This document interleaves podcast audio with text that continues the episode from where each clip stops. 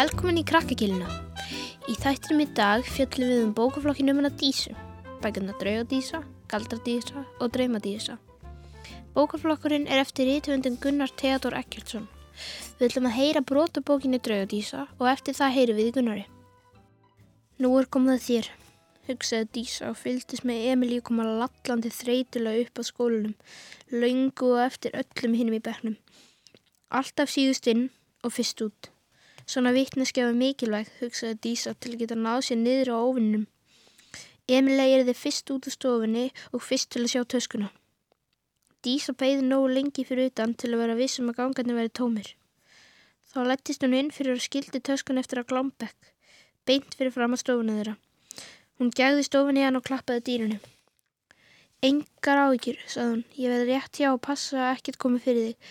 Vertu bara þú sjálfur, Emilia sér hann rest.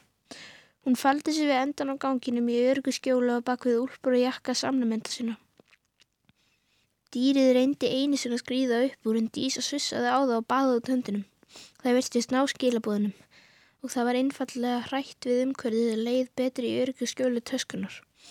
Dýrið skreið aftur ofan í og lág um kýrt þar til bjallan hingdi loksis út. Dyrna skullu upp á gátt og Emilia kom grautfól út af stofunni en tók fljótt gleðið sinna aftur þegar hann rakaði inn í töskun uppi vekkin. Ætla hann aldrei að læra að reynslunni, sagði hann glottandi og tók töskun í fangið. Hínni nefndunni voru smátt og smátt og tínast fram á gangin og fleiri skólastofur voru teknar að opnast. Dísa klifraði upp í glukkakistuna við endan á ganginum til að sjá betru í fjöldan sem tekin var að myndast. Hún stilti síman sinn á vídeo til að fanga augnabliki þegar Emilia mötti fríka út fyrir framann halvan skólan og gera sjálfa sig að allægi. Hún heyrði krakka ganga fram hjá sér og heilsunni sem ruslaprinsessunni en þau voru nógu fjarrri Emilíu til að koma upp um hana. Upptakan af henni að grafa í tunni hefði greinilega skilað sér til skólans. Synd og skömm að þau hafi verið hægt að taka upp þegar Emilía fekk jógurdolluna í höfuðið, hugsaði Dísa, en nú myndi hún bæta úr því. Emilía var ekki enn búin að opna töskuna. Hvaði var í gangi? Emilía snýri sér að klíkinu sem hefði sapnað saman fyrir aftan hana. Hún benti á Jóa sem stóð með munnin fullan af samlokum með túnfisksalati og nýjopnaða maltflösku í annari hendinni. Hann hefði ferið seint á fætur og ekki hefði neitt tíma fyrir morgumatt og var nú tekin að geða sér að hátiðisverðinu sínum. Jói, skipaði Emilía hranalega fyrir. Faðinni sópaði svo ógíslega maltiðinu og tuffaði svo túnfisknum hingað ofan í. Hann brosti með fullan munnin svo grákvít sósan lag út um bólugrafin munnvíkin og kinkaði gladlegu kolli. Það hlakkaði til í önnu og byrgi, vinum Emilíu, sem stóðu nærri og fylgdu spennt með. Úr fjarska stilti Dísa á sterkustu nærmynd sem símamyndavillin náði og fylgdist með þegar Jói tók gúlsopa á gósi og Emilíu opnaði töskuna. Anskotin, hugsaði Dísa, hún beini töskuna að Jóa og ekki sjálfur sér og auðmikið dýri færi yfir sig guðsu. Svona hefði þetta ekki átt að vera. Dísa var næstuði búin að æpa á þau en vissi vel að það myndi ekki breyta neinu. Jói frussaði túnfisk strullunni ofan í töskuna, beinti við skoffinni sem lág döðrætt á hnibri í bantninum. Dísa stökk niður úr glugganum og þrýsti sér í gegnum mannmerðin á ganginum til að bjarga dýrinu. Skyndilega sá hún eftir öllu og bölvaði sér fyrir að hafa verið svona vittlus. Hún held að dýri myndi stökk og eitt upp úr töskuna og hræði alla upp á skónum, en auðvitað var greið bara skjelvinga lostuð. Dísa var komin halva leiði gegnum krakkaþvöðuna þegar hún heyrði hræðilega öskur. Það fyrsta kom frá Emilíu en svo tóku önnu stráka og stelpu skrækir í kór. Dísa tók nú að rinda fólki til að koma sem hraðast inn í gangin. Sekundurna liði eins og mínutum og óbindróða alla kennara út af skólastofunum. Svo slúst þögnu allan hópin samtímis eins og einhver hafi ítt að taka og tekið hljóðið af. Dísa hljó beint í fangið á Emilíu sem stóð djörf og starði niður á við. Þar lói Jói, Birgir og Anna öll í hrúu hreyfingalauðs og með galopin augu. Innan í augunum var grátt minnstur sem lág eins og skíjaður heiminn yfir augastennunum. Líka með þeirra titruð og þeir virti standa en lit út fyrir yfir eins konar draugar eða uppvakningar. Tveir kennarar komur hlaupandi og beigðu sig yfir krakkana. Emilía sleit augun af vinn sínum og horfið beint fram henni dísu. Sjóðandi heita vreiði og algjör ofsar hæsla mætti saman í svipnum en annars gæti Emilía sig hvergi hrært og meðan Dísa reyf af henni skó, tóma skólatöskuna og karfi eins og skuggi út úr skólunum. Hún laði felum það sem eftir var skóladagsins. Hún fylgst með sjúkrabínum koma og fara, Lögurklummunum yfirheyra unglinga jamt sem kennara og stanslösum til ströymi af fólki ganga fram í skólanum. Í vona að sjá hvað var eiginlega seiði. Já, bækurnar fjallum Dísu og Dísa er í fyrstu bókinni óskup venjuleg stelpa, 14 ára í Reykjavík sem er bara í skólanum og lifir frekar venjulegu unglinga lífi þanga til að hún rambar á svona dölafullt tríu sem sést þarna framan á bókinni. Tríu upp í sumabústað er rétti á sumabústað mömmunar og pappa og þetta tríu leynir aldeilis á sér. Það er bæði hlið aftur í tíman sem fer með hana aftur um 200-300 ár og aftur til Íslands það sem allt er fullt af skrimslum og þjóðsagna verurnar er allir að það til.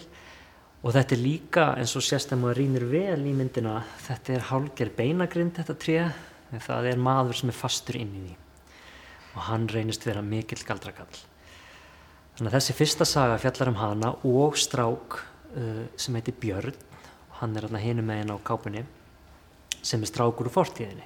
Og hann fer til framtíðarinnar eða til okkar tíma og hún fer til fortíðarinnar. Og hægt og rólega fara svona báður heimarnir að blandast saman.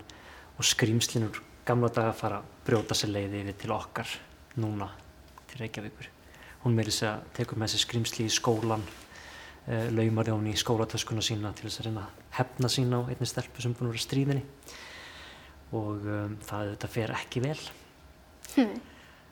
Síðan heldur sagan áfram og í rauninni eftir draugadísu þá er dísa orðin ansi öflug, hún er orðin ramgaldrótt stelpa þannig að næsta bók heitir Galdra Dísa og þá er Dísa orðin svolítið starri, hún er öflugri, hún er orðin 17-18 ár þarna uh, búin að lifa samt lengur en flestir. Um, og hún er með þess að galdra í sér og veit ekki alveg hvað hann að gera við þá. Þannig að hann langar hann að nota þetta góðs hann langar að vera einhvers konar ofurhetja og, og reyna að hjálpa fólki. Þannig að hún fer út í heim að reyna að hjálpa fólki þar sem að geisa stríð um fjarlægu landi og kemst að því að, að það er ekki, ekki, ekki svo auðvelt. Að ætla að bjarga heiminum með göldrum. Heimurinn er floknari en svo.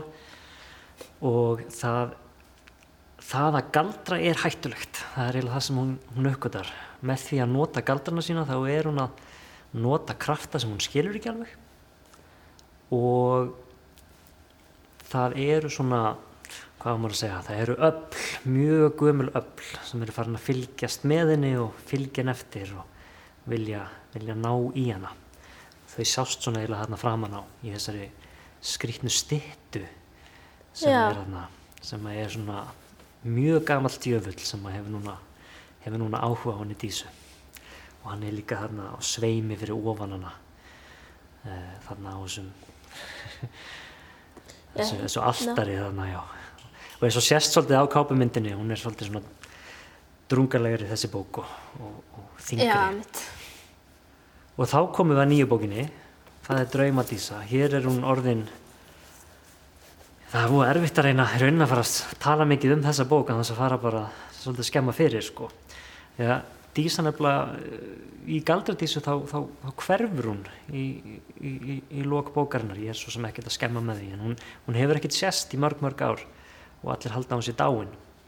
Þá kemur að losa hún er í þessum, þessum komin yfir þennan heim þarna sem að þú tókst eftir krokodílónum sem er að reyna að ná henni þarna upp á klettinum. Yeah. hún er komin yfir í allt annan heim og, og um, lifir enn en er komin í annan heim. Það er hver bók stækkar og stækkar og stækkar. Þannig að það sem byrjaði með svona svolítið einföld saga með hana sem ungling og, og í, í, í bara hennar venjulega lífi verður alltaf starra og meira þá getur til að ævintýrið er orðið alveg risastort þarna í draumadísu og farið að hafa áhrif á allan heiminn og alheiminn. En heldur það að komi fleiri bækur?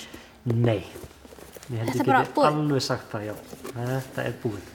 Það allavega kemur mjög óvart. Maður á aldrei að segja aldrei og það búið erfitt að menn, hver veit kannski langar mig einhvern tíman að segja meira um, um hana dísu en Já. hún er bara að fylgja mér ansi lengi ég byrjaði að skrifa fyrstu bókina fyrir já, tíu árum og uh, og ég er bara komin núna með hausinn í nýja sögu En hvernig persóna er dísa? Dísa er, hún byrjaði sem einhvers konar svona útgáfa af sjálfum mér. Maður skrifar alltaf svona svolítið einhvað sem maður þekki sjálfur og það er mjög mikið í fyrstu bókinni sem að byggja á því þegar ég var unglingur, ég var 14 ára í Hagaskóla, Vesturbæri, Reykjavíkur.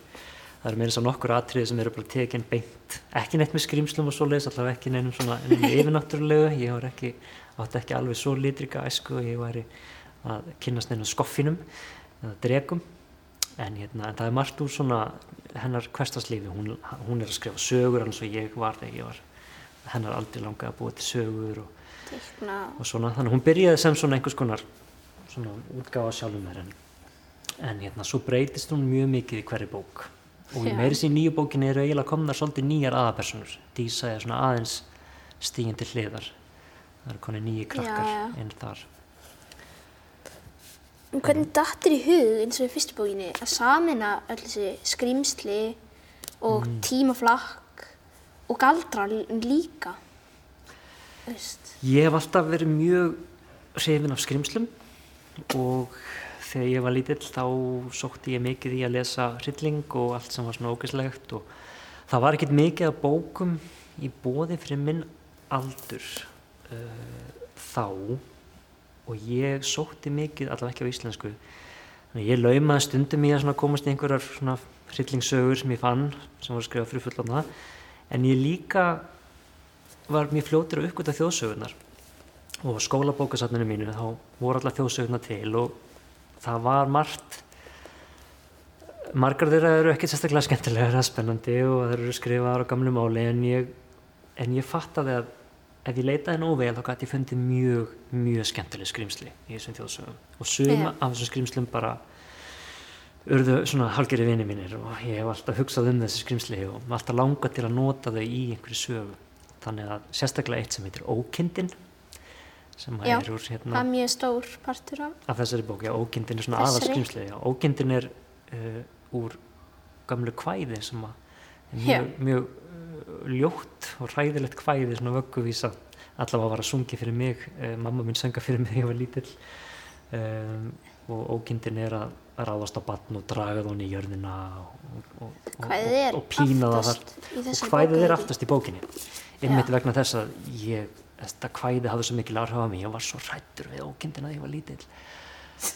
Að mér langaði að hræða fleiri og hérna, nota það sem svona aðal skrýmsli í sögunni. Já. þannig að þetta er allt svona skrýmsli sem bara ég man eftir að hafa lesið um þegar ég var strákur og fundið spennandi og, og langaði að nota já, ókindi náttúrulega er þessi þetta mikla skrýmsli sem ég var alltaf svo hrættu við en í draugadísu þar er skrýmslið sem verður svona miskilið skrýmsli sem verður svona gæludýraðinnar sem er skoffinið. Það er í mjög miklu uppáldi hjá mér. Já, það er svona skrýmsli sem að allir eru hrættir við í sveitinni hjá Byrni í gamla daga og það er alltaf verið að drepa skoffina því það er allir svo hrættir við þau. Og hún tekur það og, og, og, og tekur það að sig sem gæludýr og kemst að því að það er ekkert svo hræðilegt en maður er bara góður við það og svona Já, og, og ég, eiginlega, já, skoffinni svona ef ég ætti að breyta einhverju þá hefði nú verið gaman að koma skoffininu fyrir meira í hinnum sögunum líka en, það er bara í fyrstu bókinni því miður. Svo er líka beinagrind í nýjustu bókinni sem ég þykir mjög væntum. beinagrind. Já, beinagrind sem er svona þjó, hálfgerðu þjóðn. Það er mjög skemmtilegt. Já, hann er, hann er miklu uppáhaldi. Tímaflakki, hvernig datti það í hug? Tímaflakkið, það er bara, ég var einhvern veginn að hugsa, aðal svona í, í draugadísu, ég var að hugsa um þjóðsarnaskrimslinn og öll þessi fínu, fínu furðuvörur sem við eigum á Íslandi eða áttum í gamla daga Já, og svona einn spurningin var hvert fóru þar allar? Hvað varð um þær? Já. Ég var ekki alveg tilbúin að trúa því að við hefum bara eitthvað hægt að trúa þær eða eitthvað þannig að þeir hljóta á að farið einhvert. Eh, Þannig að það er svona spurningin í þessari sögu er hvað varðum öll skrýmslin og tímaflakkið í sögunni er leið til að útskýra það. Hvers vegna skrýmslin uh, hafa ekki sérst í 200-300 ár? Það er af því að þau eru að byrja að flakka í gegnum tíman svo tímaflakki og galdrarnir líka svolítið bundið saman. mm svo hefur mér líka alltaf bara langað til að fara aftur í tíman og sjá hvernig það er. Já, já, alltaf gaman á svona tímaflaksögum ég held sér fáir sem vilja það ekki, sko. já, maður vil kannski ekki festast þar eins og hún lendir í Nei, hún festist þarna í Ég samlaði þar. ansi langan tíma En já, tók langan tíma ákveða, þú veist, nákvæma tímasetningu bara hinum einn við til dæmis þetta tré. Hversu langt hún færi aftur í tíma? Já, hversu langt hún færi? Það mátti ekki vera of langt aftur kannski en nei, ég, mér langaði bara að fara svona nóga langt þannig að það væri ekki of, ég vildi ekki fara allavega aftur á vikingatíman eða neitt þannig. Nei. Um, þannig að það væri svona soldi nálagt.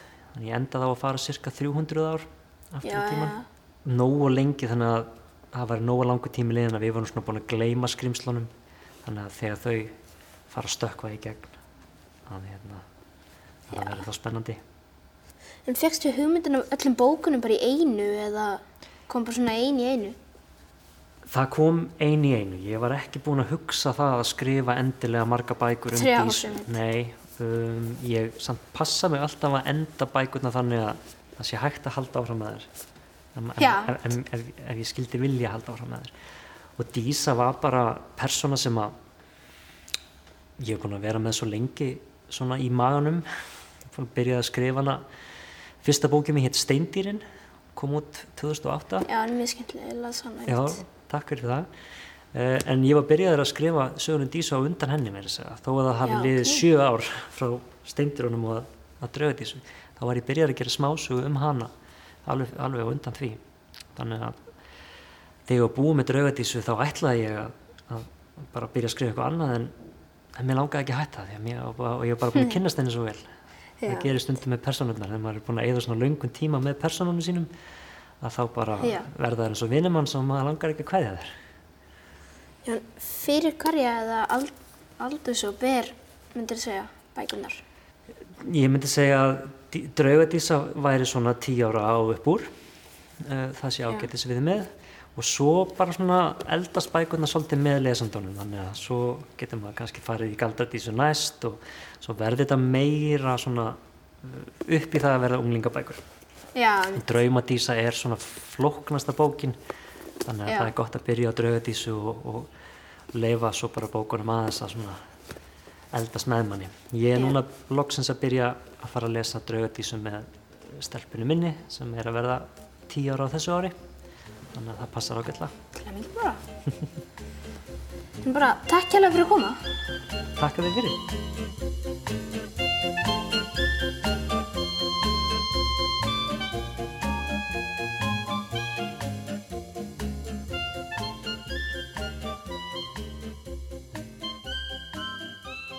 Tove Jansson fættist árið 1914 í borginni Helsingi í Finnlandi. Hún var listmálari, teiknari og rithöfundur en er langt þekktust fyrir bækurnar sínar um ævindira heim múminálfana. Hún fekk listina í vöggugjöf því fóreldra hennar voru bæði listamenn og byrjaði fyrirlinni ung á því að semja teiknæmyndasögur sem byrtist í dagblóðunum. Tove Jansson var mjög hæfileikaríkur listmálari og skrifaði líka bækur fyrir fullorna. Fyrsta múminbókin heitir Littlu álfarnir og flóðið mikla. Hún kom út árið 1945. Tove Jansson bæði skrifaði söguna og teiknaði myndirnar. Þar lenda múmin pappi, múmin mamma, múmin snáðinn og snorkstelpan í alls konar æfintýrum á svona skrautlega skemmtilegum vinum sínum. Múmilálfarnir eru þekktir um allan heim og um þá hafa verið gerðir teiknamyndir, brúðuleikrit, leiknir sjónvarsþættir, ópera, listasýningar og svo auðvitað heill skemmtigarður.